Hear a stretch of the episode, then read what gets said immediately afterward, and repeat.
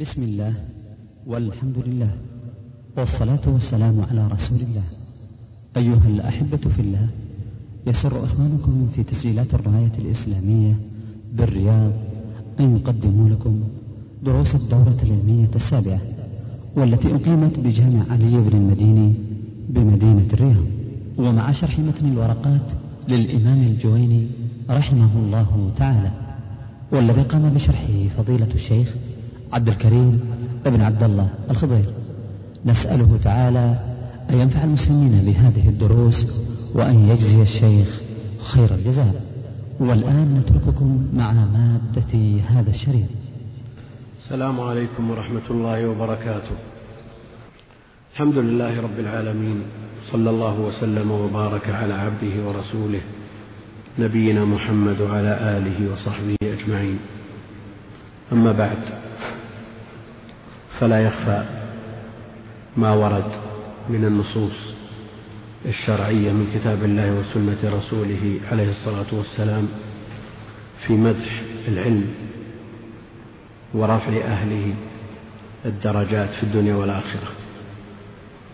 والمراد بالعلم الممدوح في النصوص الشرعية هو العلم الشرعي المورث لخشية الله عز وجل. إنما يخشى الله من عباده العلماء. هذا هو العلم الممدوح المذكور في نصوص الوحيين الذي يورث الخشية لله عز وجل والذي يبعث على العمل الصالح. فالعلم الذي لا يبعث على العمل في الحقيقة ليس بعلم. فالعلم هو ما أورث العمل الصالح الموصل إلى رضوان الله عز وجل. هذا هو العلم الممدوح في النصوص. من الأمثلة على ذلك ما جاء في سورة الزمر من قوله جل وعلا أمن هو قانت آناء الليل ساجدا وقائما يحذر الآخرة ويرجو رحمة ربه. بعد ذلك قال ها قل هل يستوي الذين يعلمون والذين لا يعلمون؟ فدل على أن أهل العلم هم الذين يتقون الله سبحانه وتعالى ويخشونه ويعملون بعلمهم. أما الذي لا يعمل بما علم هذا في الحقيقة ليس من أهل العلم وإن حصل على شيء من العلوم والمعارف لكنه ليس بعالم. ولذا جاء في الحديث وفيه كلام طويل لأهل العلم يحمل هذا العلم من كل خلف عدوله فالعدول هم الذين يحملون العلم الشرعي. العدول الذين يعملون بالعلم هم العلماء هم الذين يحملون العلم. وفي هذا دليل على أن ما يحمله بعض الفساق من العلوم والمعارف لا يسمى علم على الحقيقة. إذا عرفنا هذا فالعلم الممدوح المذكور مداره على كتاب الله وسنة رسوله صلى الله عليه وسلم. مداره على نصوص الوحيين الكتاب والسنة. فمنهما يؤخذ وعليهما المعول في تحصيله. وقد مضى الجيل الأول من الصحابة على ذلك فاقتصروا على نصوص الوحيين. لأنهم ليسوا بحاجة إلى غيرهما. الكتاب عربي والرسول عليه الصلاة والسلام عربي فليسوا بحاجة إلى تعلم العربية. عاصروا النبي وعايشوه عليه الصلاة والسلام وعرفوا مقاصده وفهموا عنه ما أنزل عليه وما بينه في سنته عليه الصلاة والسلام فليسوا بحاجة إلى قواعد وضوابط تعينهم على فهم الكتاب والسنة. هي موجودة حاضرة في أذهانهم لكنهم ليسوا بحاجة إلى تدوين لها لأنهم على علم واطلاع منها. ومن أراد أن يعرف قدر السلف وعلم السلف وفضل علمهم على الخلف فليقرأ في رسالة الحافظ بن رجب رحمة الله عليه التي أسماها فضل علم السلف على الخلف. وإذا ارتفعت نفس الإنسان وعلت به عن قدره فليقرأ في مقدمة موضح أوهام الجمع والتفريق للخطيب ليرى قدره. ويعرف أقدار السلف. أقول هذا لئلا يقول قائل هذه العلوم حادثة وقد قيل والتصنيف في هذه الأمور أمر طارئ حادث بعد عصر السلف. أقول السلف ليسوا بحاجة إلى مثل هذه القواعد وهذه الضوابط التي تعينهم على فهم الكتاب والسنة فليسوا بحاجة إلى مؤلفات في العربية لأنهم عرب خلص أقحاح لا يحتاجون إلى شيء من ذلك. لكن لما اتسعت رقعة البلاد ودخل الناس في دين الله أفواجا وخالط العرب غيرهم من الأمم احتاجوا أن يؤلفوا في العربية وفي علوم الآلة كلها. وإن شئت فقل علوم الوسائل.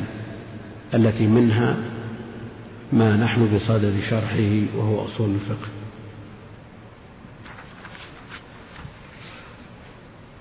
وعلى هذا إذا عرفنا أن هذه العلوم التي يسميها أهل العلم علوم الآلة التي هي مجرد وسائل لفهم المقاصد من نصوص الوحيين فلا ينبغي لطالب العلم أن يصرف كل, وقت كل وقته لهذه العلوم بل عليه لا أقول ينبغي بل عليه أن يأخذ منها بقدر ما يحتاج إليه في فهم الكتاب والسنة.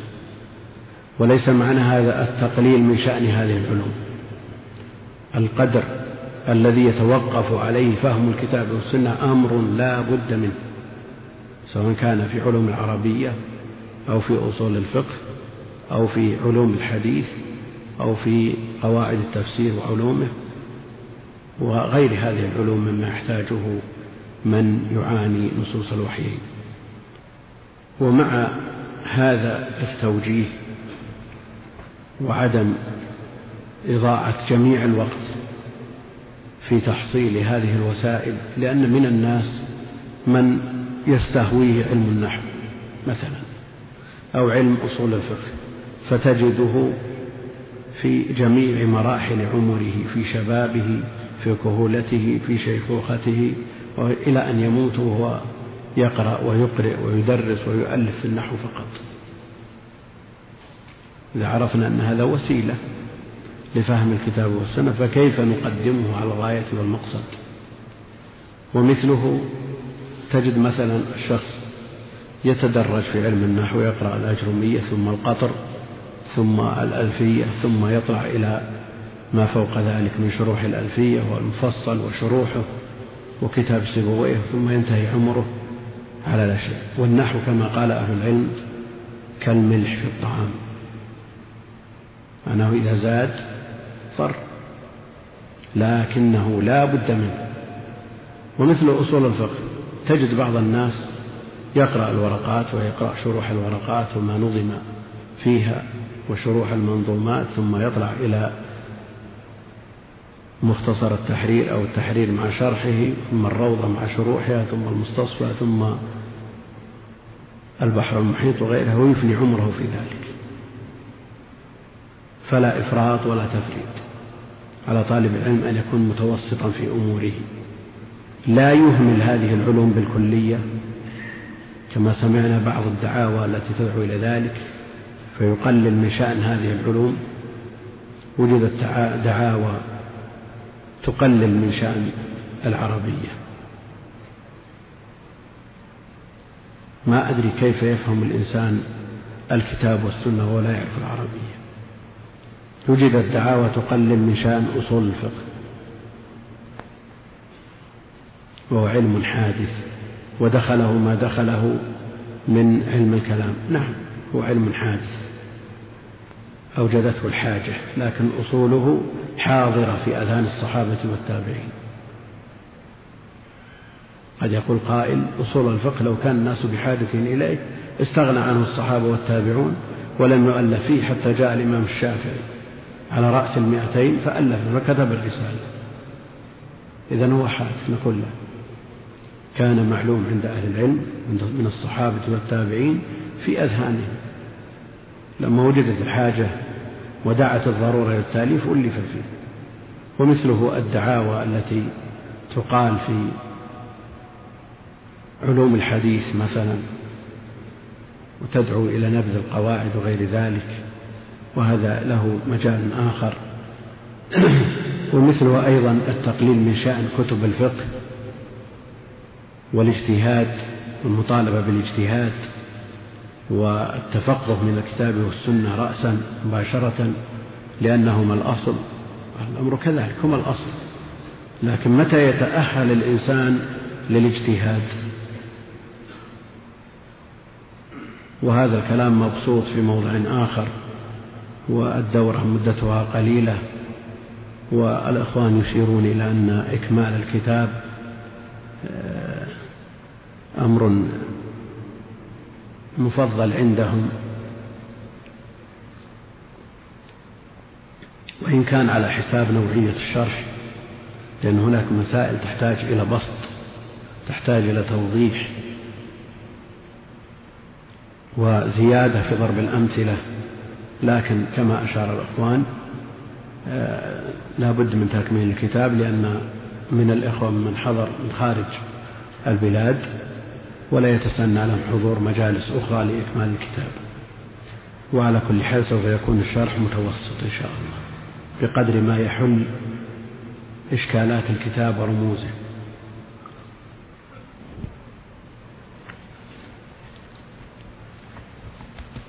علم الأصول علم في غاية الأهمية. كيف يعرف الطالب الذي ينتسب لطلب العلم الشرعي وكيف يفهم من كتاب الله وسنة نبيه عليه الصلاة والسلام ما يخاطب به من التكاليف من الأوامر والنواهي وهو لا يعرف العام والخاص والمطلق والمقيد والناسخ والمنسوخ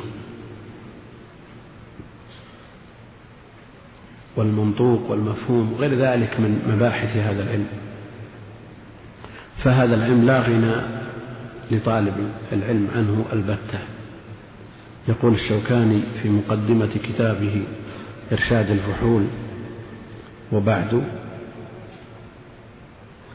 فإن علم أصول الفقه لما كان هو العلم الذي يأوي إليه الأعلام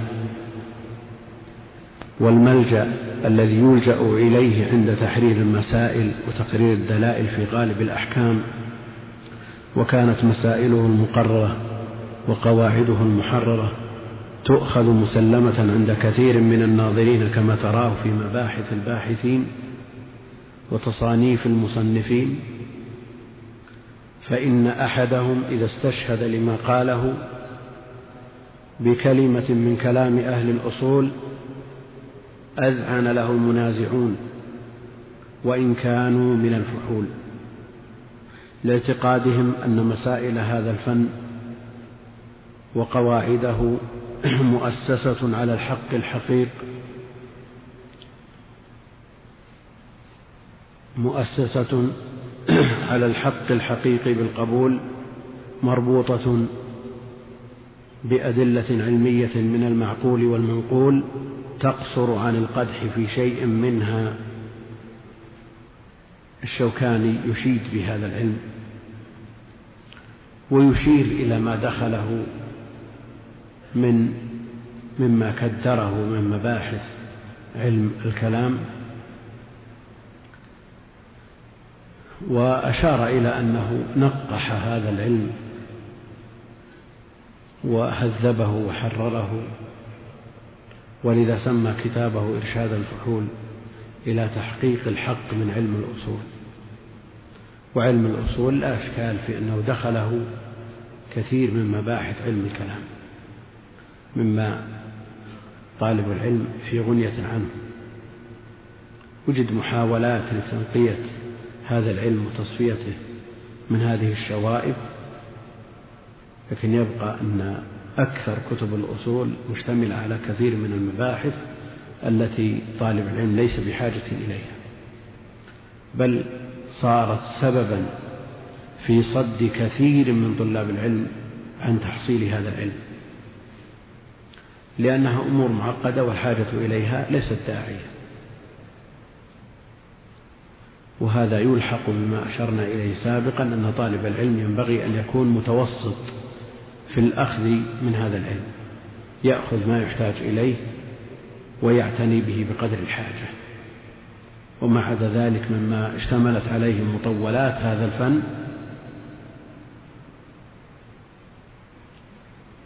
يبقى لأناس لطائفة مخصوصة تعتني بهذا العلم لبيانه وإيضاحه. إذا عرفنا هذا فالجادة المطروقة عند أهل العلم البداءة في العلوم كلها بالمختصرات بالمختصرات لأن عقل الناشئة لا يحتمل المطولات وجاء عن ابن عباس في بيان معنى الرباني أنه هو الذي يعلم الناس بصغار العلم قبل كباره ليتمكن الطالب المبتدئ من حفظ هذه المختصرات وفهمها ثم بعد ذلك يرتقي إلى ما بعدها مما يناسب الطبقة الثانية من طبقات المتعلمين وهكذا يرتقي بعد ذلك إلى ما يناسب الطبقة الثالثة وهكذا. فأهل العلم قسموا المتعلمين إلى طبقات المبتدئين المتوسطين المنتهين المحصلين. ولكل طبقة كتب في كل فن. والشوكاني له كتاب في آدب الطلب وطبقات المتعلمين أشار إلى شيء من ذلك. وهذه المتون وهذا التدرج أمر عرفي اصطلاحي يختلف في كل بلد عن البلد الآخر. فكل أهل بلد لهم عناية بكتب خاصة كما أن لأهل كل مذهب عناية بكتب خاصة دون غيرهم. من أجود ما ألف للمبتدئين. في هذا الفن كتاب الورقات الذي نحن بصدد شرحه لإمام الحرمين أبي المعالي عبد الملك بن عبد الله بن يوسف بن محمد الجويني الشافعي المتوفى سنة ثمان وسبعين وأربعمائة. قد يقول قائل إن قراءتنا لمثل هذا الكتاب ترويج لكتب المبتدعة الجويني من رؤوس الأشعرية كما هو معروف. ومن المنظرين في المذهب والقائمين عليه من أئمته لكنه رجع عن مذهبه. والكتاب في الجملة خال عن البدعة. وعلى طالب العلم أن يكون منصفا. أن يكون منصفا في أقواله وأحكامه على الناس. فالحق يقبل ممن جاء به. نعم إذا وجد نظيره لشخص لم يتلبس بشيء من المخالفات هذا هو الأصل. كما أن الأصل في الرواية أن تكون عن سني لم يتلبس ببدعة. لكن إذا لم يوجد هذا الحديث وهذا الخبر إلا عند من رمي بنوع من البدعة فتحصيل مصلحة رواية هذا الخبر وحفظه للأمة مقدمة على هجر هذا المبتدع وترك الرواية عنه. وكتب السنة بما في ذلك الصحيحين. طافحة بالرواية عن المبتدعة فالحق يقبل من جاء به. وتفصيل رواية المبتدع وقبولها أو ردها مبسوط في كتب علوم الحديث. والذي دعانا إلى ذلك أن مؤلف هذا الكتاب كان متلبسا ببدعة. وبعض الأخوان وهذا من شدة حرصهم وغيرتهم على السنة ولا يظن بهم إلا خير. يرى أن يهجر كل ما جاء عن المبتدعة ولهم في ذلك سلف الإمام مالك رحمة الله عليه لا يجيز عن, عن الرواية عن مبتدع البتة إماتة لذكره وإخمادا لبدعته. لكن واقع كتب السنة كصحيح البخاري ومسلم وغيرهما من كتب السنة المعتمدة خرج فيها الكثير من المبتدعة وذكرنا أن تحصيل الفائدة المرتبة على الخبر الذي جاءنا من طريق هذا المبتدع الذي هو ليس من الغلاة في بدعته ولا يدعو إليها مقدم على مصلحة إماتته وإخماد بدعته. هذا الكتاب المختصر الذي هو بقدر الكف في خمس ورقات بعد تأليفه اشتهر وانتشر في أقطار الأرض شرقا وغربا وعني به العلماء وشرحه واعتنى به العدد الكبير من أهل العلم. شرحوه ونظموه وحفظوه وجعلوه الدرجة الأولى في سلم الصعود إلى هذا العلم. فنذكر ممن شرحه ما تيسر فشرحه جلال الدين المحلي المتوفى سنة أربعة وستين وثمانمائة شرح مختصر جدا اقتصر فيه على تحليل بعض الألفاظ وهذا الشرح أيضا صار له من القبول ما لا يتصور فعني به العلماء فشرحوه. شرح من قبل جمع كثير من أهل العلم. شرحه ابن قاسم العبادي في شرحين كبير, كبير وصغير وكلاهما مطبوع وشرحه الرعيني المعروف بالحطاب في شرح متوسط وعليه حاشية على شرح الرعيني حاشية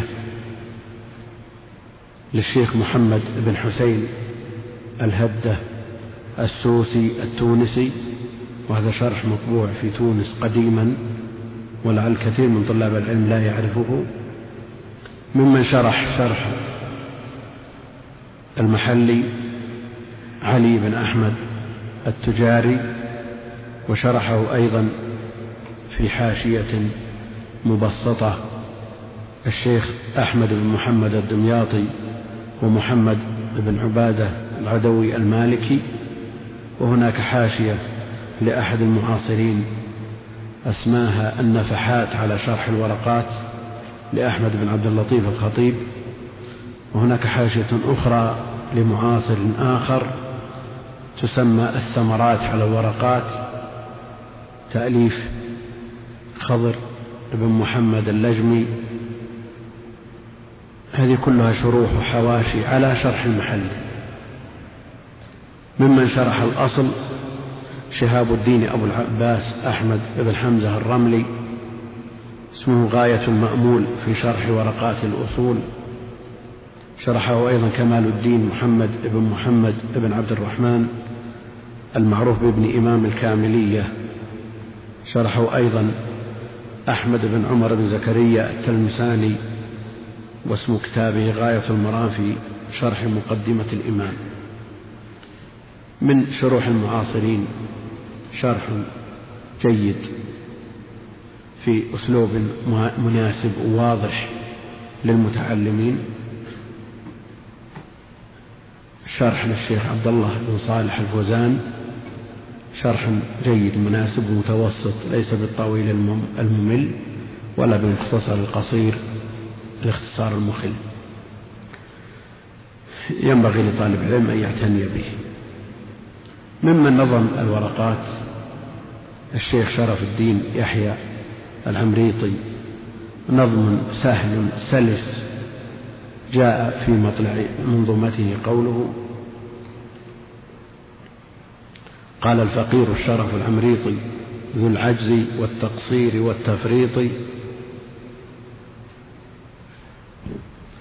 الحمد لله الذي قد أظهر علم الأصول للورى وأشهر على لسان الشافعي وهو وهونا فهو الذي له ابتداء دونا وتابعته الناس حتى صار كتبا صغار الحجم أو كبارا وخير كتبه وخير كتبه الصغار ما سمي بالورقات للإمام الحرمي وقد سئلت مدة في نظمه مسهلا لحفظه وفهمه فلم أجد مما سئلت بدا وقد شرعت فيه مستمدا من ربنا التوفيق للصواب والنفع في الدارين بالكتاب. هذا النظم نظم سهل سلس يحفظ به هذا المتن لأن النظم في الغالب هو الذي يثبت بخلاف النثر عمريطة تصدى لنظم كثير من المتون نظم أجرمية بنظم أيضا كذلك سهل سلس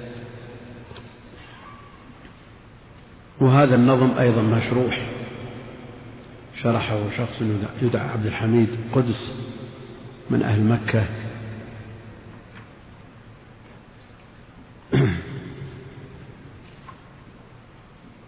وقبل البدء بشرح الكتاب نذكر المبادئ العشرة التي جرت العادة بذكرها قبل البدء في كل فن. ليتصور هذا الفن ويعرف تعرف أهميته وقيمته. هذه المبادئ يجمعها قول الناظم إن مبادئ إن مبادئ كل علم عشرة. الحد والموضوع ثم الثمرة ونسبة وفضله والواضع والاسم الاستمداد حكم الشارع. مسائل والبعض بالبعض اكتفى ومن درى الجميع حاز الشرف. فأول هذه المبادئ الحد والمراد بالحد التعريف وتعريف هذا العلم سيأتي في كلام المصنف. الموضوع موضوع هذا العلم الأدلة الشرعية إجمالا لا تفصيلا وكيفية الإفادة منها وحال المستفيد منها. والثمرة من هذا العلم القدرة على استنباط الأحكام الشرعية من الأدلة.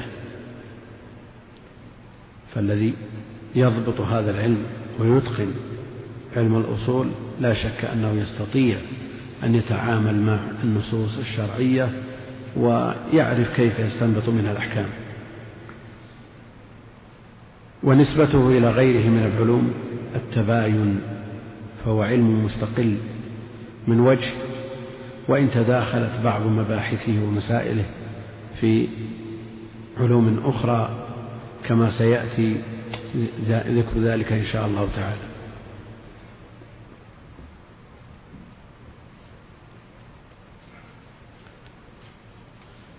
وفضله كفضل غيره من علوم الشريعة التي جاء الحث على تعلمها وتعليمها في الكتاب والسنة لأن الوسائل لها أحكام المقاصد. وواضعه الإمام محمد بن إدريس الشافعي رحمه الله تعالى في الرسالة رسالته التي صنفها في هذا العلم و وهي أيضا تصلح أن تكون قاعدة لكثير من مباحث علم علوم الحديث. وحكى الأثنوي وغيره الإجماع على ذلك الإجماع على أن أول من صنف في الأصول الإمام الشافعي. واسمه علم أصول الفقه. اسم هذا العلم علم أصول الفقه.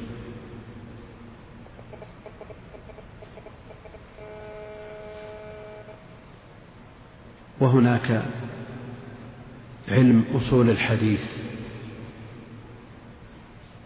وعلم أصول الحديث يسمى مصطلح الحديث ويسمى علوم الحديث وهنا نقول أصول الفقه فهل نستطيع أن نقول هذا علم مصطلح الفقه أو علم علوم الفقه كما قلنا علم مصطلح الحديث أو علم علوم الحديث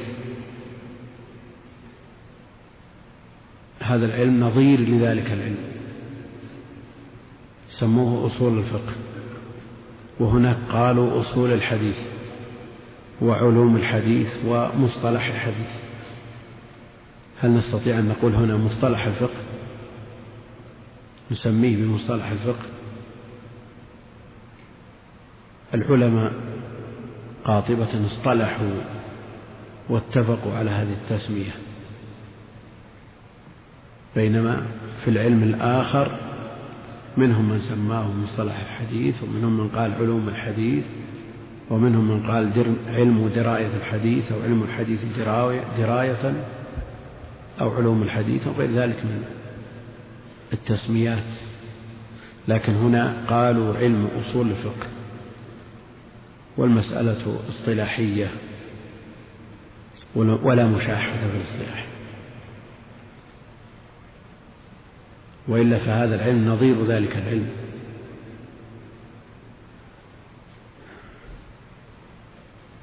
لا مشاحة في الاصطلاح. وهذه الكلمة يطلقها كثير من أهل العلم وهي بحاجة إلى قيد. فهناك من الاصطلاحات ما يشاحح صاحبه ومنه وهناك من الاصطلاحات ما لا مشاحة فيه. فإذا تضمن الاصطلاح مخالفة لما تقرر عند أهل أي علم من العلوم فإنه يشاحح فيه.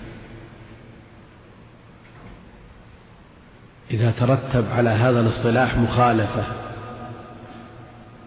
لنص شرعي أو لأمر مقرر عند أهل علم من العلوم فإنه حينئذ يشاحح فيه. لو قال قائل أنا أصطلح لنفسي أن أسمي هذه الجهة الشمال يسمي الجنوب شمال والشمال جنوب نقول لا مشاحة في الاصطلاح. أو أقول السماء تحت والأرض فوق وأبين في مقدمة الكتاب. نقول لا مشاحة في الاصطلاح يشاحح في اصطلاحه. لكن لو قال الشمال شمال والجنوب جنوب لكن الناس أو جمهور الناس على أن الشمال يوضع في رأس الخارطة. وأنا بقلب الخارطة خلي الجنوب فوق والشمال تحت. نقول لا مشاحة بالاصطلاح هذا يغير من الواقع شيء. ما يغير من الواقع شيء.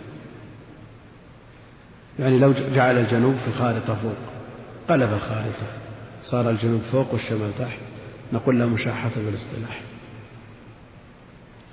لو قال قائل أنا أؤلف في الفرائض وأسمي أخ الأب خالا الناس يسمونه عم. وأنا أسميه خال. وأسمي أخا الأم عما وإن سماه الناس خال. نقول لا مشاحة بالاصطلاح نعم يشاحح في اصطلاحه. لهذا يخالف النصوص الشرعية. يخالف النصوص الشرعية. خالف ما تقرر في علم الفرائض. وغير ذلك من الولايات التي هي للعصبة دون ذوي الأرحام. هذا مخالف لما تقرر في الشرع. لو قال أهل بلدي يسمون أبا الزوجة خالا وأنا أسميه عم أو العكس.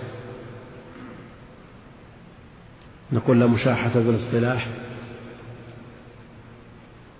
أبو الزوجة سواء سمي خالا أو عما في فرق؟ نعم. لا مشاحة بالاصطلاح لا مشاحة بالاصطلاح ولذا لما قسم البغوي رحمه الله تعالى كتابه المصابيح إلى الصحاح والحسان نوزع في اصطلاحه. نوزع في اصطلاحه. لأنه يخالف ما تقرر في علوم الحديث. لأن في السنن ما هو صحيح وفي السنن ما هو ضعيف وقاعدته أن ما كان في الصحيحين فهو من الصحاح وما كان من السنن فهو من الحسان. فهذه القاعدة مما ينبغي تقييده فلا تطلق. والبغوي قسم المصابح إلى الصحاح والحسان جانحا أن الحسان ما رواه في السنن رد عليه بها غير حسن. فإذا خالف الاصطلاح ما تقرر شرعا أو ما اتفق عليه أهل العلم من العلوم فإنه يشاح فيه.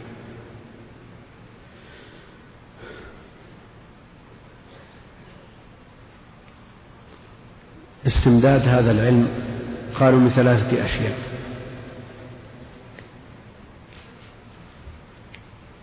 في كتب الأصول يقولون يستمد من اللغة العربية وعلم الكلام وتصور الأحكام. كيف يستمد من هذه العلوم؟ هم جعلوا علم الكلام من مصادر هذا العلم. من أي وجه؟ ما علاقة علم الكلام بعلم الأصول؟ الذين أقحموا علم الكلام في الأصول وملأوا كتب الأصول بكثير من مباحث المنطق بل بعضهم خصص المقدمة لعلم المنطق ليستعين بها على فهم ما سيأتي أو ما سيرد في الكتاب من مباحث علم الكلام. هذا لا شك أنه أساء. إذا كيف يستمد علم الأصول من علم الكلام؟ ونحن نقول استمداده من علم التوحيد. ومن أي وجه يستمد علم الأصول من علم التوحيد؟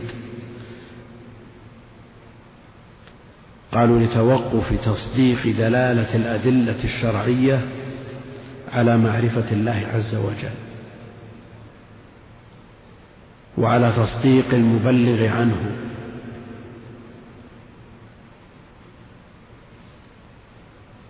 وأيضا يستمد هذا العلم من اللغة العربية لأنها لغة الكتاب والسنة. فالاستدلال بهما يتوقف على فهم معانيهما. وبعض الناس يقلل من شأن اللغة العربية بالنسبة لطالب العلم الشرعي وهو لا يعرف أن بعض المسائل التي اختلف فيها أهل العلم سبب الخلاف فيها الخلاف في إعرابها.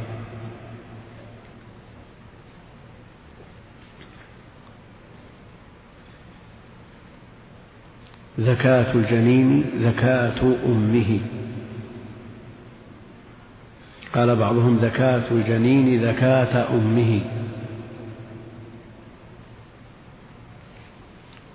تبعا لتغير الإعراب تغير الحكم. فالذي يقول زكاة الجنين وهم الأكثر زكاة أمه يقول زكاة الجنين هي زكاة أمه فلا يحتاج إلى تذكية والذي يقول زكاة الجنين زكاة أمه يقول هو منصوب على نزع الخافض فتكون زكاته كزكاة أمه فلا بد من تذكيته. عند أصحاب القول الأول لا يحتاج إلى تذكية. إذا ذكيت أمه خرج من بطنها ميتا خلاص زكاة أمه تكفي. والذين يقولون زكاة الجنين زكاة أمه يقول لا بد من تذكيته كزكاة أمه والمسألة معروفة. من أهل العلم من يقول إن من يلحن في النصوص فإنه يدخل في حديث من كذب من كذب علي متعمدا فليتبوأ مقعده من النار. إذا قلت إنما الأعمال بالنيات هل قال الرسول عليه الصلاة والسلام إنما الأعمال بالنيات؟ أو تكون كذبت عليه حينئذ؟ لأنه قال إنما الأعمال بالنيات وهكذا. فشأن العربية في فهم نصوص الكتاب والسنة أمر لا يخفى على أحد.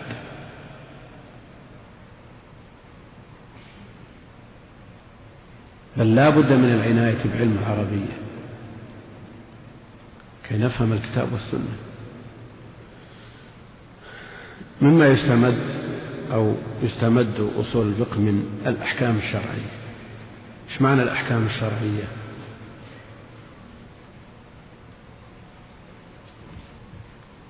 هذا يرجو رفع الصوت وهذا يقول الصوت ليس واضح في والله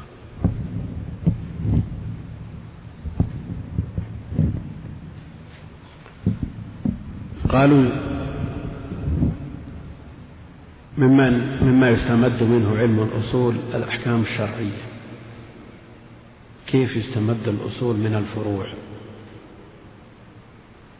كيف يستمد الأصول من الفروع؟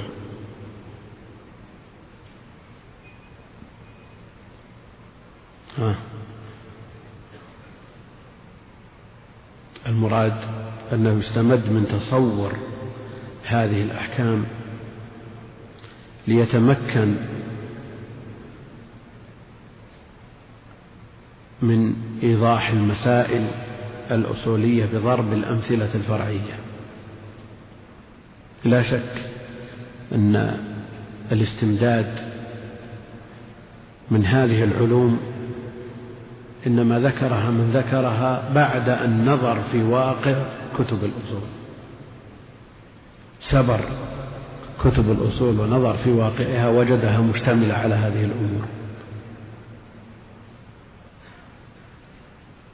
لوجود الأمثلة من الأحكام الشرعية لتوضيح المسائل الأصولية قالوا إن الأصول مستمد من تصور هذه الأحكام. لا شك أن الأصولي لا بد أن يكون على معرفة ودراية بكثير من المسائل الفرعية ليتمكن من توضيح هذا العلم.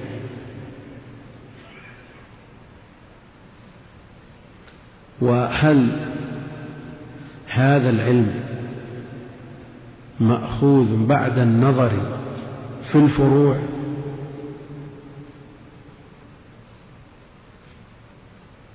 يعني نظرنا إلى جملة من الفروع وجدناها تنطوي أو تنضوي تحت أصل واحد. فاستنبطنا هذا الأصل من هذه من مجموع هذه الفروع. وهذا ما يعرف بالقواعد الأصولية. أو أن هذه الفروع مأخوذة من تلك الأصول. أو كل واحد مأخوذ من الثاني فيلزم عليه الدور.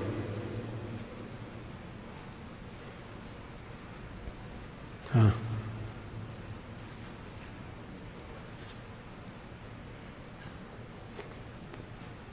يعني مقتضى تسميتهم هذا العلم علم الأصول أن الفروع مأخوذة من هذه الأصول.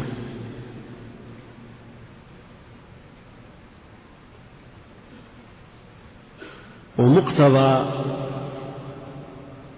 الوجود وأن هذا العلم وجد بعد معرفة الأحكام وتصور الأحكام قلنا أو قال بعضهم إن هذا العلم مستمد من من الأحكام الشرعية. نعم لو قلنا إن كل واحد مستمد من الثاني قلنا يلزم عليه الدور. قلنا يلزم عليه الدور. لا شك أن المسائل والأحكام الشرعية المستمدة من كتاب الله وسنة رسوله صلى الله عليه وسلم. وهذا العلم يعني علم الأصول يعين على فهم الكتاب والسنة. يعين على فهم الكتاب والسنة التي اللذين اللذين تستمد وتستنبط منهما الأحكام. حكمه حكم هذا العلم فرض كفاية. حكم تعلم هذا العلم فرض كفاية. كغيره من العلوم الشرعية. وقد يتعين على بعض الأشخاص إذا لم يوجد غيره ممن يستطيع القيام به. ممن ينوء بهذا العلم. قد يتعين على بعض الأشخاص. لأن فروض الكفاية إذا لم يقم بها أحد أثم الناس. وإذا قام بها من يكفي سقط الإثم عن الباقين مسائل هذا العلم مباحثه وقضاياه التي تذكر في كتبه مما يحتاج إليه. ثم قال في البيت الأخير والبعض بالبعض اكتفى. يعني أن بعض الناس اكتفى ببعض هذه المبادئ. لكن من درى الجميع حاز الشرف كذا قيل ويحتمل أن يكون المعنى أن بعض الناس اكتفى ببعض مسائل العلم.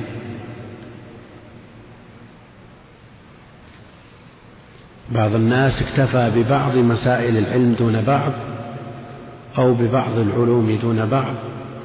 ومن درى وعرف الجميع حاز من المسائل العلمية أو من العلوم فقد حاز الشرف في الدنيا والآخرة والأجر والثواب العظيم من الله سبحانه وتعالى.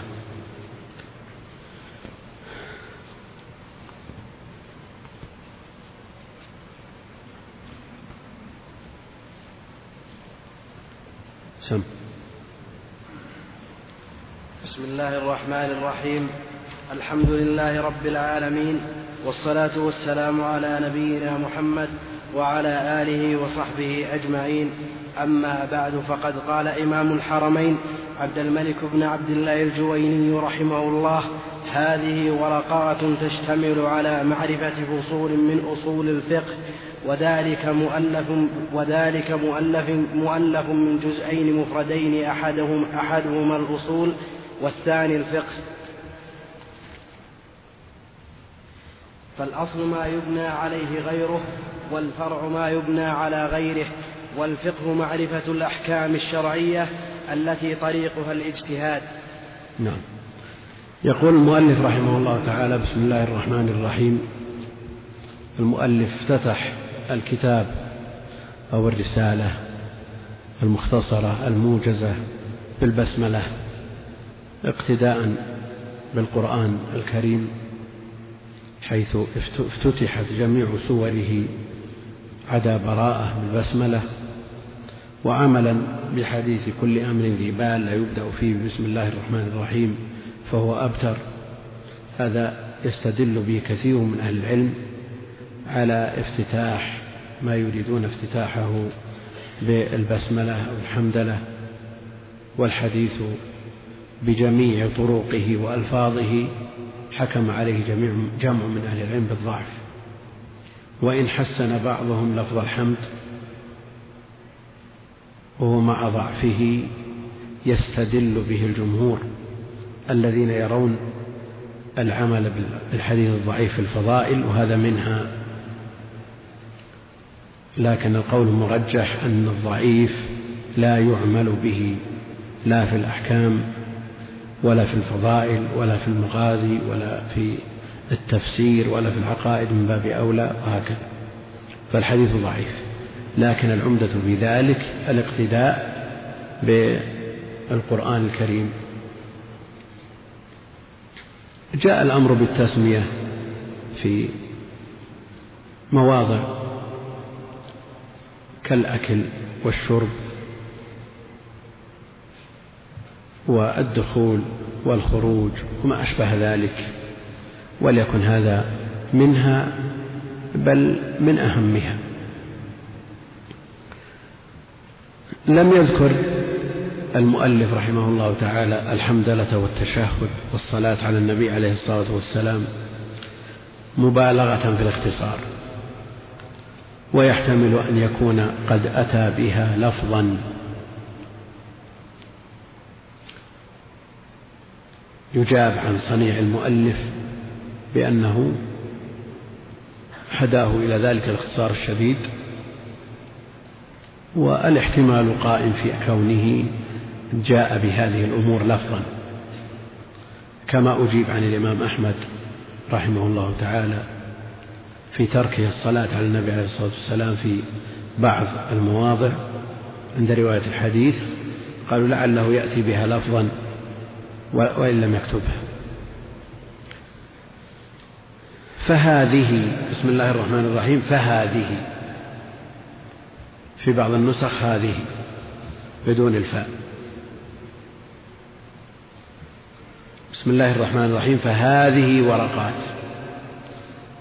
وفي بعض النسخ هذه ورقات. والفاء إن وجدت فهي واقعة في جواب أما بعد المقدرة التي يؤتى بها للانتقال من موضوع إلى آخر ومن أسلوب إلى آخر. أما بعد فهذه ورقات تشتمل على معرفة الفصول من أصول الفقه فالفاء واقعة في جواب أما بعد وأما حرف شرط وبعد قائم مقام الشرط وجواب الشرط الفاء ما دخلت عليه. ما دخلت عليه الفاء. والإتيان بأما بعد سنة ثبتت عن النبي عليه الصلاة والسلام في أكثر من ثلاثين حديثا. فلا يليق بطالب العلم تركها. طالب العلم المؤتسي بالنبي عليه الصلاة والسلام عليه أن يلازمها. أما بعد. ولا تقوم الواو مقام أما. وإن جرى كثير من المؤلفين والمتحدثين على الاقتصار عليها دون أما. وأشار بعض من ألف من المتأخرين أنها تقوم مقامها كما في شرح المواهب للزرقاني وغيره نظرا لشيوعها وكثرتها. وإلا فالأصل أما بعد. ولا حاجة ولا داعي للإتيان بثم قبلها. فإذا قلت الحمد لله رب العالمين والصلاة والسلام على عبده ورسوله نبينا محمد وعلى آله وصحبه أجمعين. أما بعد ما تقول ثم أما بعد؟ لا داعي لثم لأن لم ترد بها النصوص. ولا توجد في أساليب أهل العلم من المتقدمين وإن وجدت في بعض نسخ تفسير الطبري. لكنه لا داعي ولا حاجة إليها. النصوص الثابتة عن النبي عليه الصلاة والسلام أما بعد بدون ثم. إن احتيج إلى أما بعد مرة ثانية للانتقال إلى موضوع آخر وأسلوب آخر عطفت على ما قبله. ثم أما بعد. إذا قلتها في الموضع الأول أما بعد واحتجت إليها للفصل بين الموضوعين أو الأسلوبين تقول أما بعد لا بأس. وأهل العلم مختلفون في أول من قالها على ثمانية أقوال. نجملها في قول الشاعر جرى الخلف أما بعد من كان بادئا بها عد أقوال وداود أقرب ويعقوب أيوب الصبور وآدم وقس وسحبان وكعب ويعرب. أقرب الأقوال أنه داود عليه السلام وأنها فصل الخطاب الذي أوتيه. وبعد قائم مقام الشرط ظرف مبني على الضم لحذف المضاف إليه مع كونه منويا ومعروف إعراب قبل وبعد والجهات الست. لها ثلاث حالات. إن أضيفت أعربت وإن قطعت عن الإضافة مع عدم نية المضاف إليه أعربت مع التنوين وإن قطعت عن الإضافة مع نية المضاف إليه بنيت على الضم. لله الأمر من قبل ومن بعد.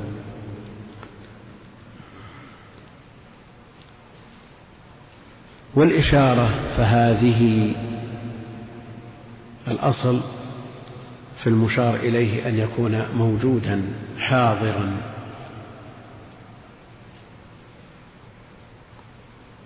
فهذه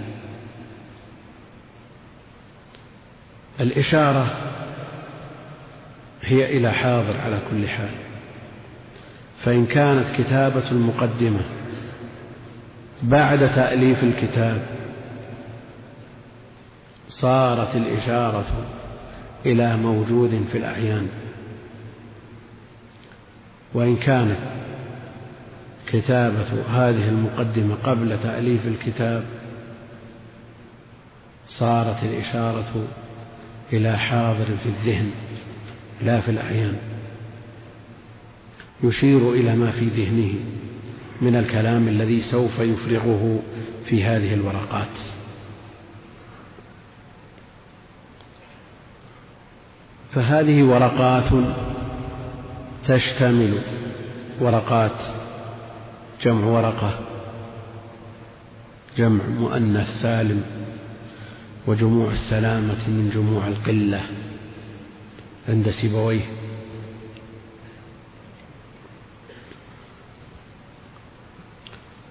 وعبر بذلك هذه ورقات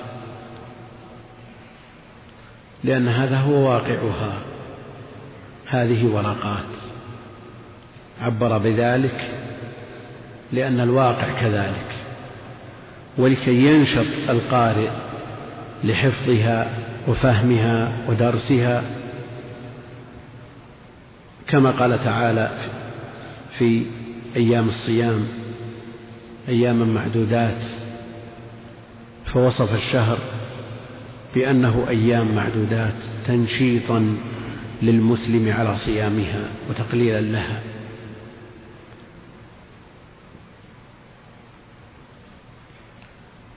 فهذه ورقات تشتمل على معرفة على معرفة فصول من أصول الفقه. تشتمل تحتوي على معرفة والمعرفة هي والعلم بمعنى واحد عند جمع من أهل العلم وفرق بعضهم بين المعرفة والعلم لأن المعرفة تستلزم سبق الجهل بخلاف العلم فإنه لا يستلزم سبق الجهل. ولذا يوصف الله سبحانه وتعالى بأنه عالم وعليم وعلام. ولا يوصف بأنه عارف. قالوا لأن المعرفة تستلزم سبق الجهل وجاء في الحديث تعرف على الله في الرخاء يعرفك في الشدة. قالوا هذا من باب المبالغة المقابلة المقابلة والمشاكلة في التعبير. على أن دائرة الإخبار أوسع من دائرة الأسماء.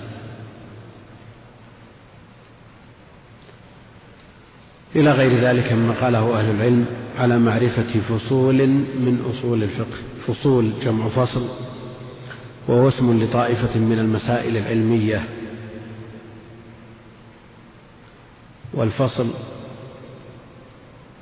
أو الفصول تندرج تحت الأبواب.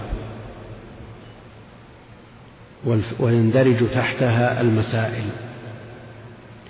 والأبواب تندرج تحت الكتب.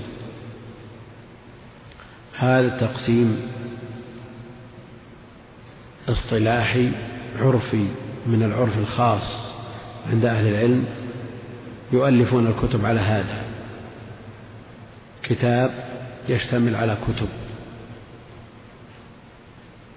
وهذه الكتب تشتمل على أبواب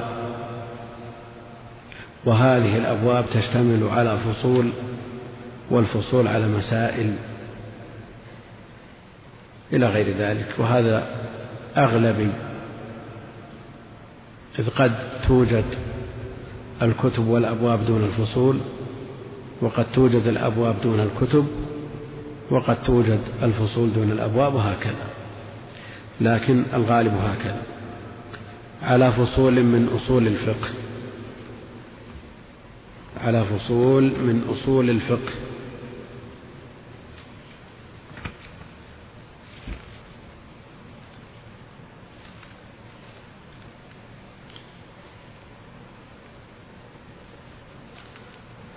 بالنسبة للأسئلة الأخوان المتعلقة بالكتاب ومباحث الكتاب سوف نجيب عليها بإذن الله عز وجل. وما عدا ذلك مما هو خارج الكتاب فالشيخ موجود ولا يفتى ومالك في المدينة كما قال أهل العلم وليس لنا أن نتقدم بين يدي الشيخ فنجيب بحضرته. فالأمور التي تتعلق بالكتاب لا مندوحة لنا من الجواب عنها لكن الذي لا علاقة له بالكتاب الشيخ موجود أمد الله في عمره.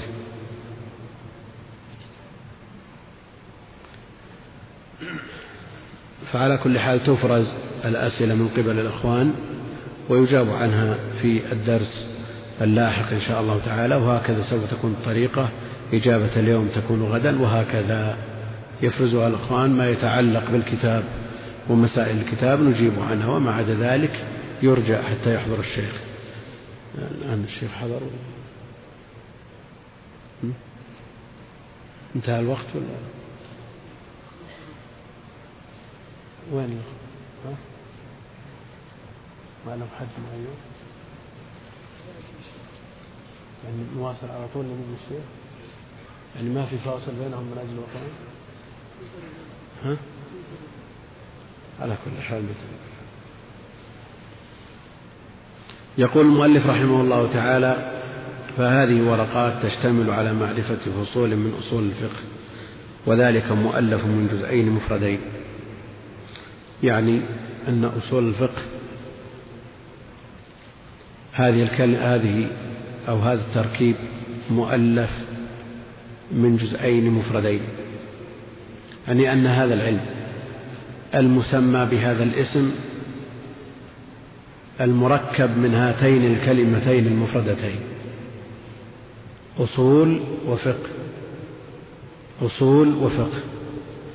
فله حينئذ أكثر من تعريف. تعريف باعتبار جزئي المركب وتعريف باعتباره علم. على هذا الفن المعروف. تعريف باعتبار جزئي المركب لأنه قال وذلك مؤلف من جزئين مفردين أصول وفقه. من جزئين الجزء الأول أصول والجزء الثاني الفقه. مفردين. ما المراد بالإفراد هنا؟ ما يقابل نعم.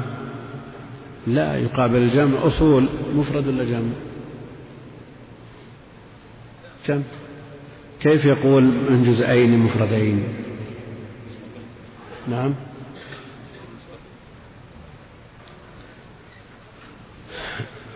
كيف؟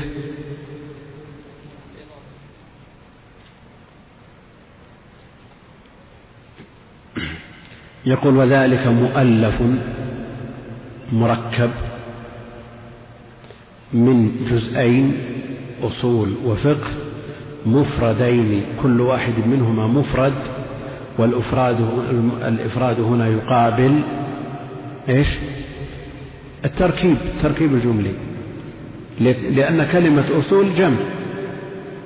فلا يراد بالإفراد هنا ما يقابل التثنية والجمع لأن كلمة أصول جمع. ثم أخذ يعرف جزئي المركب فبدأ بالأصل. أصول. النسبة إلى هذا العلم. ماذا تقول في النسبة إلى هذا العلم؟ شخص معتني بهذا العلم. أكثر من غيره من العلوم تسميه إيش؟ أصولي كذا. نعم. ها نعم. أصولي كذا. الياء النسب مشددة ولا بد. ياء كيا الكرسي زينة للنسب والبحث ليس فيها. نعم. مشددة. فالنسبة إلى تيمة تيمي بالتشديد. وشيخ الإسلام ابن تيمية بالتشديد. لا شك أن الياء مشددة لكن يبقى أن النسبة إلى الجمع حكمها. أهل العلم ينصون على أن النسبة إلى الجمع شاذة. إذا أردت أن تنسب إلى كلمة هي في الأصل جمع تعيد الكلمة إلى مفردها. ثم تنسب إلا إذا كانت شهرة الجمع أقوى من شهرة المفرد كالنسبة إلى الأنصار وإلى الأعراب أو إذا كان الجمع لا واحد له من لفظه تنسب إلى الجمع. فالأصل ما يبنى عليه غيره. الأصل الذي هو واحد الأصول ما يبنى عليه غيره. كأصل الجدار وأساسه الذي يبنى عليه وأصل الشجرة التي تتفرع منه فروعها وأغصانها. ألم تر كيف ضرب الله كلمة طيبة كشجرة طيبة أصلها ثابت وفرعها في السماء؟ فالأصل هو الأساس وهو ما يبنى عليه غيره ويقابله الفرع يقابل الأصل الفرع وهو ما يبنى على غيره وهو ما يبنى على غيره. كبقية الجدار التي بنيت على الأصل وعلى الأساس وكفروع الشجرة وأغصانها هي فروع. ومنهم من يقول أن الأصل ما منه الشيء ما منه الشيء فالأب أصل بالنسبة لولده والولد فرع. ولذا يقولون في الوارثين أنهم أصول وإيش؟ وفروع وأيضا حواشي.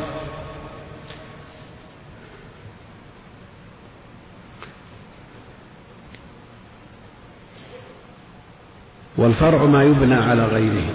والفقه أخشى الشيخ بيجي ولا؟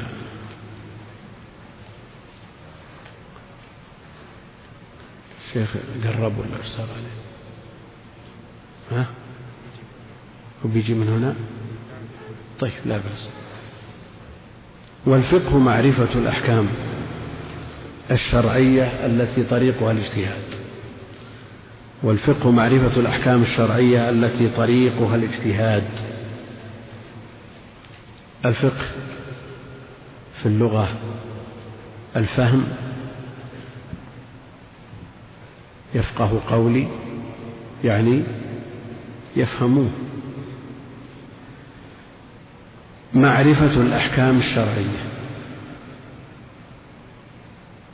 هل الفقه هو المعرفة أو هو الأحكام؟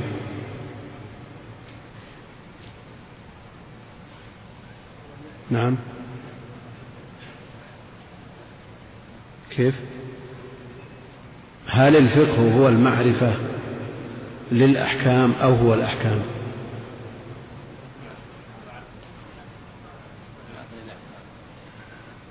نعم. هو يقول معرفة الأحكام الشرعية. يخرج بذلك من الأحكام ما ليس بشرعي. فلا يدخل في الفقه. والأحكام جمع حكم. وسيأتي في بيان الأحكام التكليفية والوضعية تعريف الحكم. معرفة الأحكام الشرعية التي طريقها الاجتهاد المقصود بها المسائل الفرعية ويخرج بذلك المسائل العقلية المسائل العقدية لأنه ليس طريقها الاجتهاد التي طريقها الاجتهاد.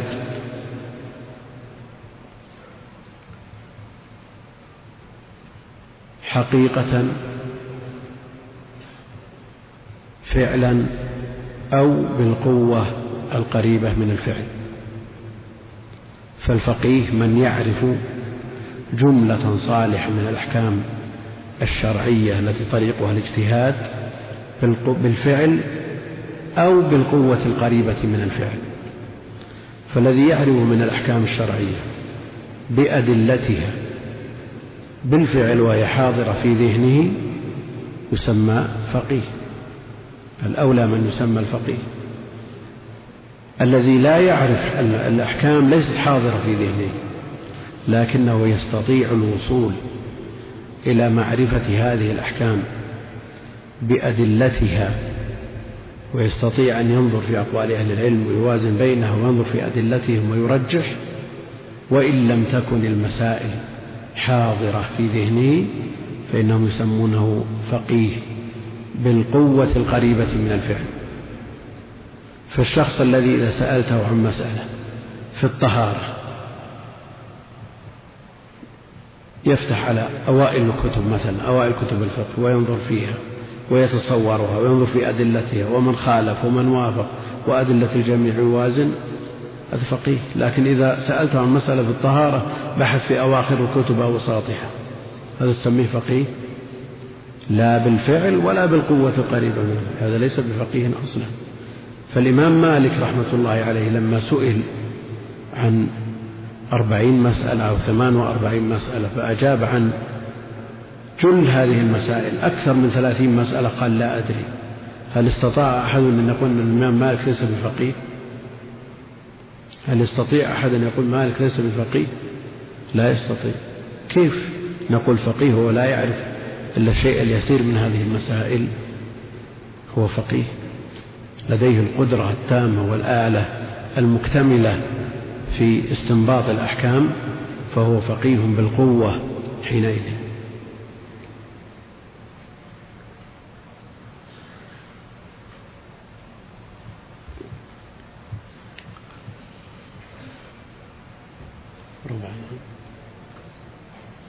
خلاص.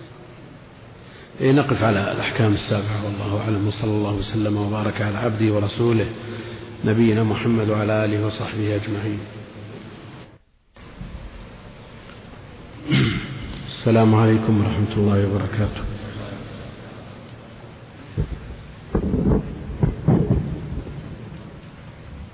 يقول هذا بعض طلاب العلم يقولون إن متن الورقات لا يصلح للحفظ لأنه يوجد فيه أخطاء في التعاريف. ويقول الحل في ذلك أن نأخذ تعاريف الشيخ ابن عثيمين رحمه الله وتحفظ.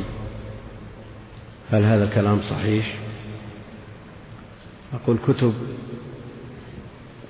العلماء التي هي الجادة في التحصيل عند أهل العلم لا بد من العناية بها. لا بد من العناية بها وما فيها من أخطاء. لا تعدو أن تكون وجهات نظر يصوبها البعض ويحكم عليها البعض الآخر بأنها خلاف الصواب. ومن يشرح هذه الكتب عليه أن يبين الخطأ من الصواب. ويبقى أيضا أن هذا من وجهة نظره هو ولذا نجد في شراح الورقات وفي غيرها من الكتب التي ألفها أهل العلم وليسوا من أهل العصمة فيها ما فيه. كل يؤخذ من كلامه ويرد إلا الرسول عليه الصلاة والسلام. فالجادة التي اعتمدها أهل العلم وسلكها الأئمة المتقدمون في تربية أولادهم أو أبنائهم الطلاب وتنشئتهم على التحصيل العلمي آه، لا بد من سلوكها فيؤخذ مثل هذا المتن لأنه أخطر متن في أصول الفقه وألفاظه سهلة ميسرة وأما ما يكتبه المتأخرون وهم يكتبون بلغة العصر لا شك أنها كتب نافعة وجليلة ومفيدة. لكن لينتبه طالب العلم أنه كلما قوي الأسلوب وصعب على الطالب أنه هو الذي يربي فيه ملكة الأخذ والرد والنقاش وهو الذي يفتق ذهنه. أما ما يكتبه المعاصرون فهم يكتبون بلغة العصر وهذه ليس فيها إشكال في الجملة كتب واضحة ومبسطة فهذه في الغالب لا تحتاج إلى شرح. يفهمه الطالب بمفرده. فعلى طالب العلم أن يتمرن على كتب المتقدمين. لأنه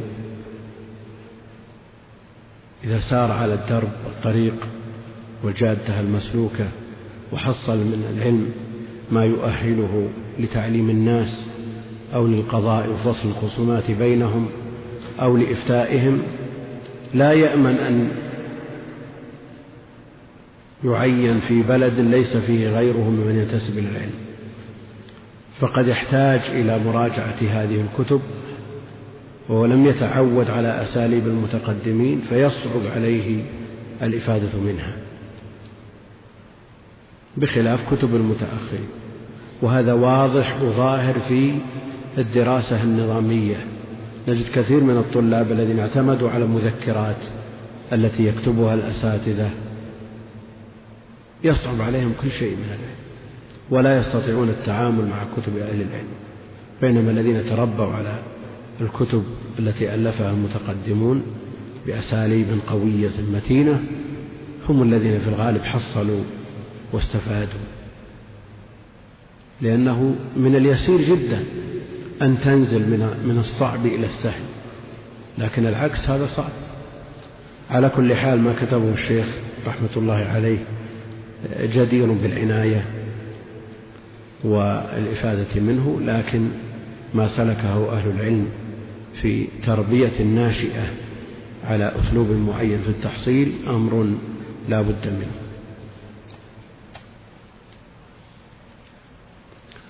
يقول جاء في بعض النسخ المطبوعة حديثا ومقابلا على النسخ الخطية ذكر الحمد والصلاة على النبي عليه الصلاة والسلام.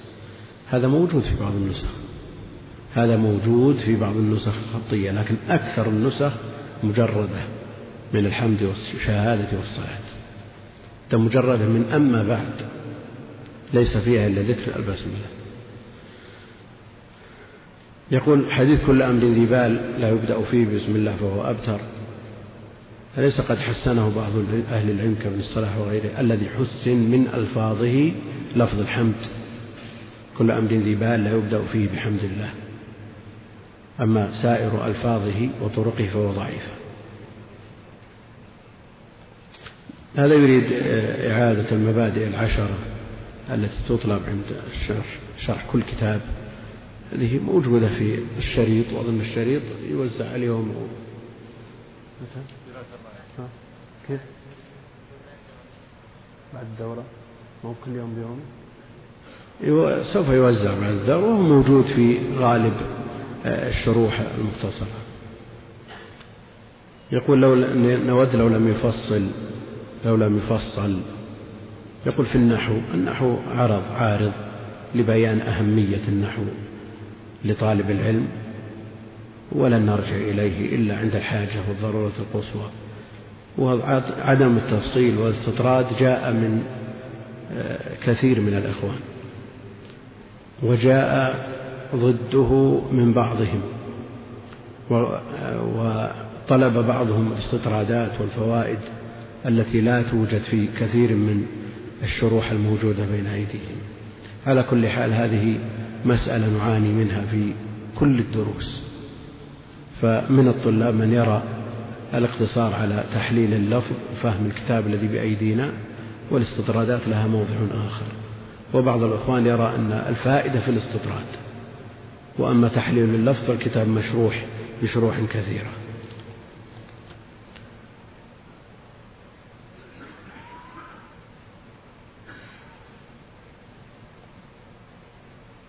يقول أنا طالب علم وقرأت علم الفروع من مذهب الإمام مالك ولكني رأيت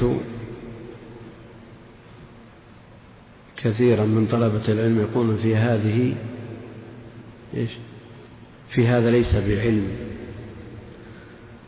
قل طالب العلم المبتدئ. عليه أن يتفقه على ما ذكره أهل العلم. وكل يعتني بالكتاب المعروف المشهور في بلده. وليس معنى هذا أنه إذا اعتنى بالكتاب الفقهي كالزاد عندنا مثلا أو العمدة أو الدليل. أو مختصر خليل عند المالكية أو المتون الأخرى في المذاهب الأخرى. ليس معنى هذا أنه يأخذ هذه الأحكام قضايا مسلمة وهذه الكتب دساتير لا يحاد عنها لا.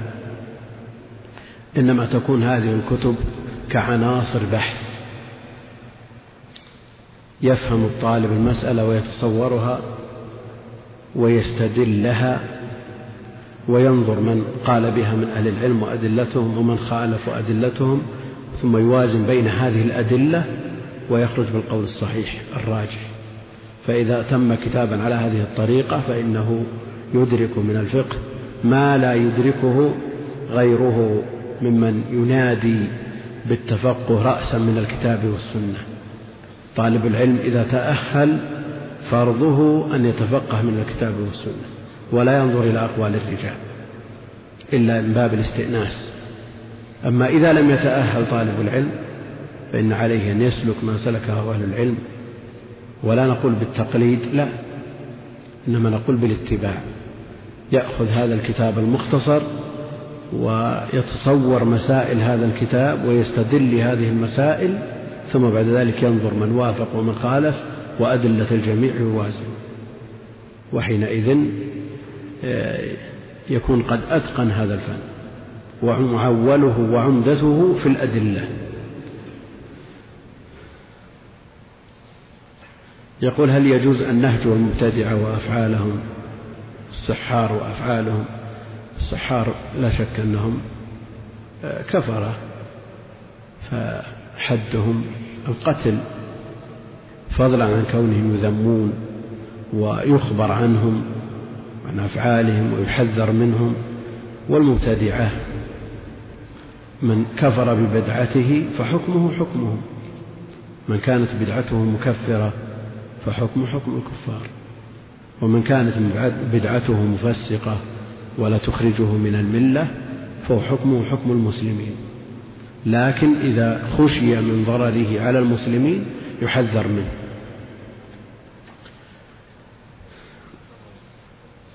سم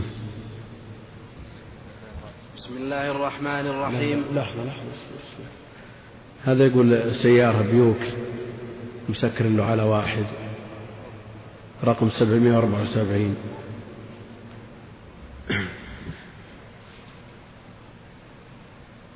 يقول بماذا ينصح طالب العلم المبتدئ أن يقرأ في علم أصول الفقه يقرأ في هذا الكتاب وما كتب حوله والمناقشات التي نوقش فيها المؤلف وما كتب على الكتاب.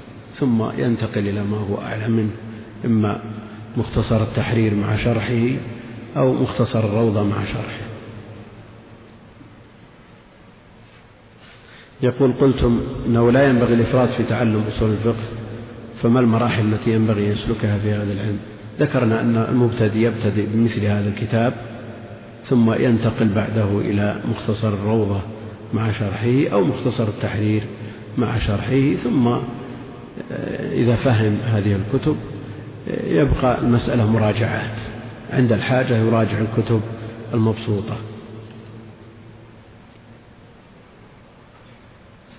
يقول هل من أخطأ في أي حديث ينطبق عليه حديث من كذب من أخطأ. من يعرى من الخطأ؟ من يعرى من الخطأ كما قال الإمام أحمد رحمه الله. ربنا لا تؤاخذنا إن نسينا أو أخطأنا. لكن يذكر المثال الذي ذكرناه بالأمس أن من أخطأ في إعراب كلمة من حديث النبي عليه الصلاة والسلام يدخل هذا من باب التحذير والتحري والتثبت ونقل الحديث كما هو بفصه وبلفظه إن أمكن وإلا فبمعناه.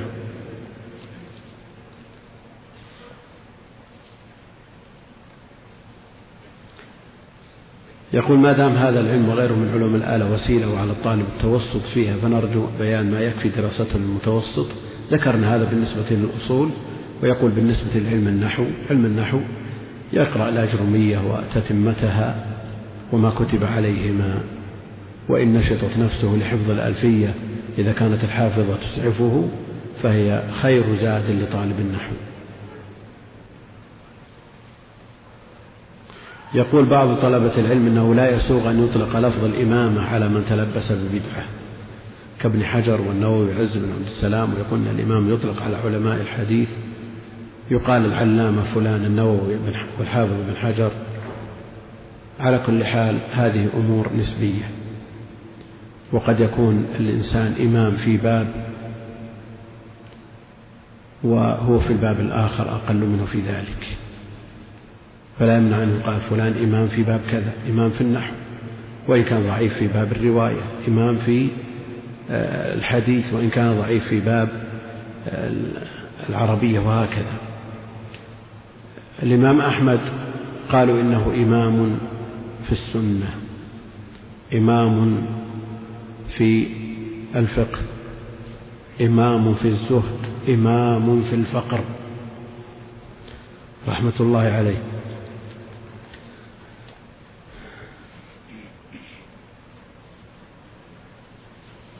الكتاب الذي معنا. سئل عنه كثيرا. هذه أسئلة كتاب أصول الفقه للشيخ عبد الوهاب خلاف.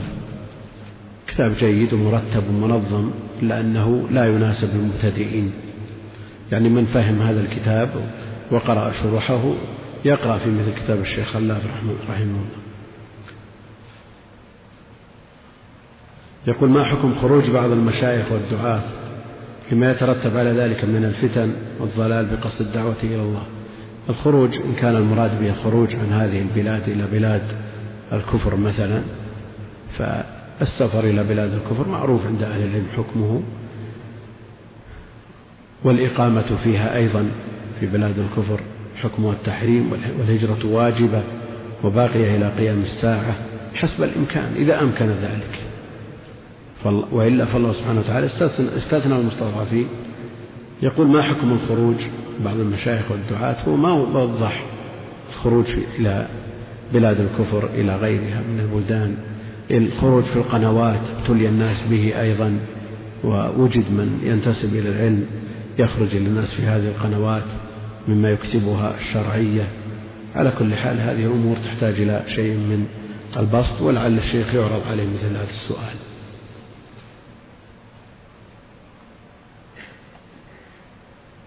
يقول هل البسملة في كتاب الله آه، من السور أو أو سورة الفاتحة أو كغيرها؟ السؤال ركيك لكن الواضح أنه يسأل عن البسملة في الفاتحة. أهل العلم يختلفون هل البسملة آية في أوائل السور بعد اتفاقهم على أنها آية من سورة النمل واتفاقهم على أنها ليست بآية في أول سورة التوبة.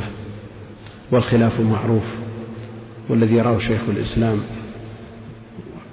به يقول كثير من الحنفية أنها آية واحدة نزلت للفصل بين السور وليست بآية في كل سورة هي آية واحدة نزلت للفصل بين السور منهم من يرى أنها آية في كل سورة ومنهم من يرى أنها ليست بآية مطلقة والأدلة مبسوطة في كتب أحكام القرآن وفي أيضا كتب الفقه.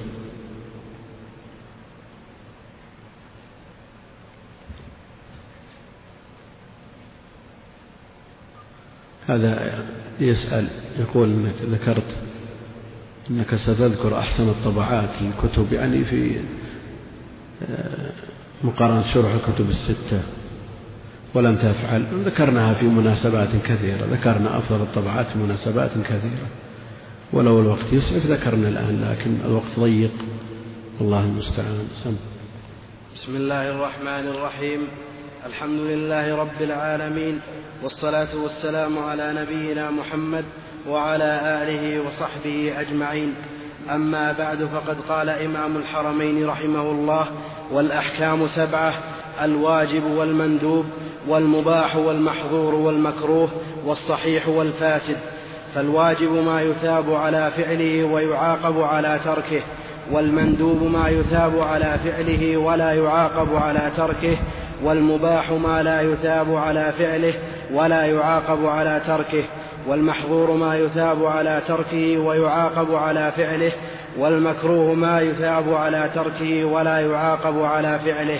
والصحيح ما يتعلق به النفوذ ويعتد به والباطل ما لا يتعلق به النفوذ ولا يعتد به.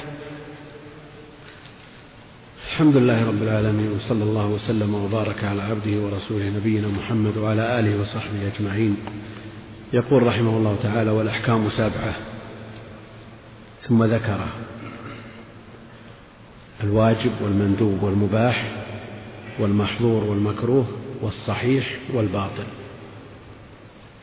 الأحكام جمع حكم والحكم مصدر حكم يحكم إذا قضى. والمعنى الحكم في الأصل المنع منه حكمة الدابة لأنها تمنعها. ومنه قول جرير أبني حنيفة أحكموا سفهاءكم إني أخاف عليكم أن أغضب. الحكم في الاصطلاح يعرفه بعض العلماء بأنه خطاب الله خطاب الله المتعلق بأفعال المكلفين طلبا أو تخييرا أو وضعا. خطاب الله المتعلق بأفعال المكلفين طلبا أو تخييرا أو وضعا. أيها الأحبة في الله ما تبقى من مادة هذا الشريط. تتابعونها في الشريط التالي. مع تحيات إخوانكم في تسجيلات الراية الإسلامية بالرياض والسلام عليكم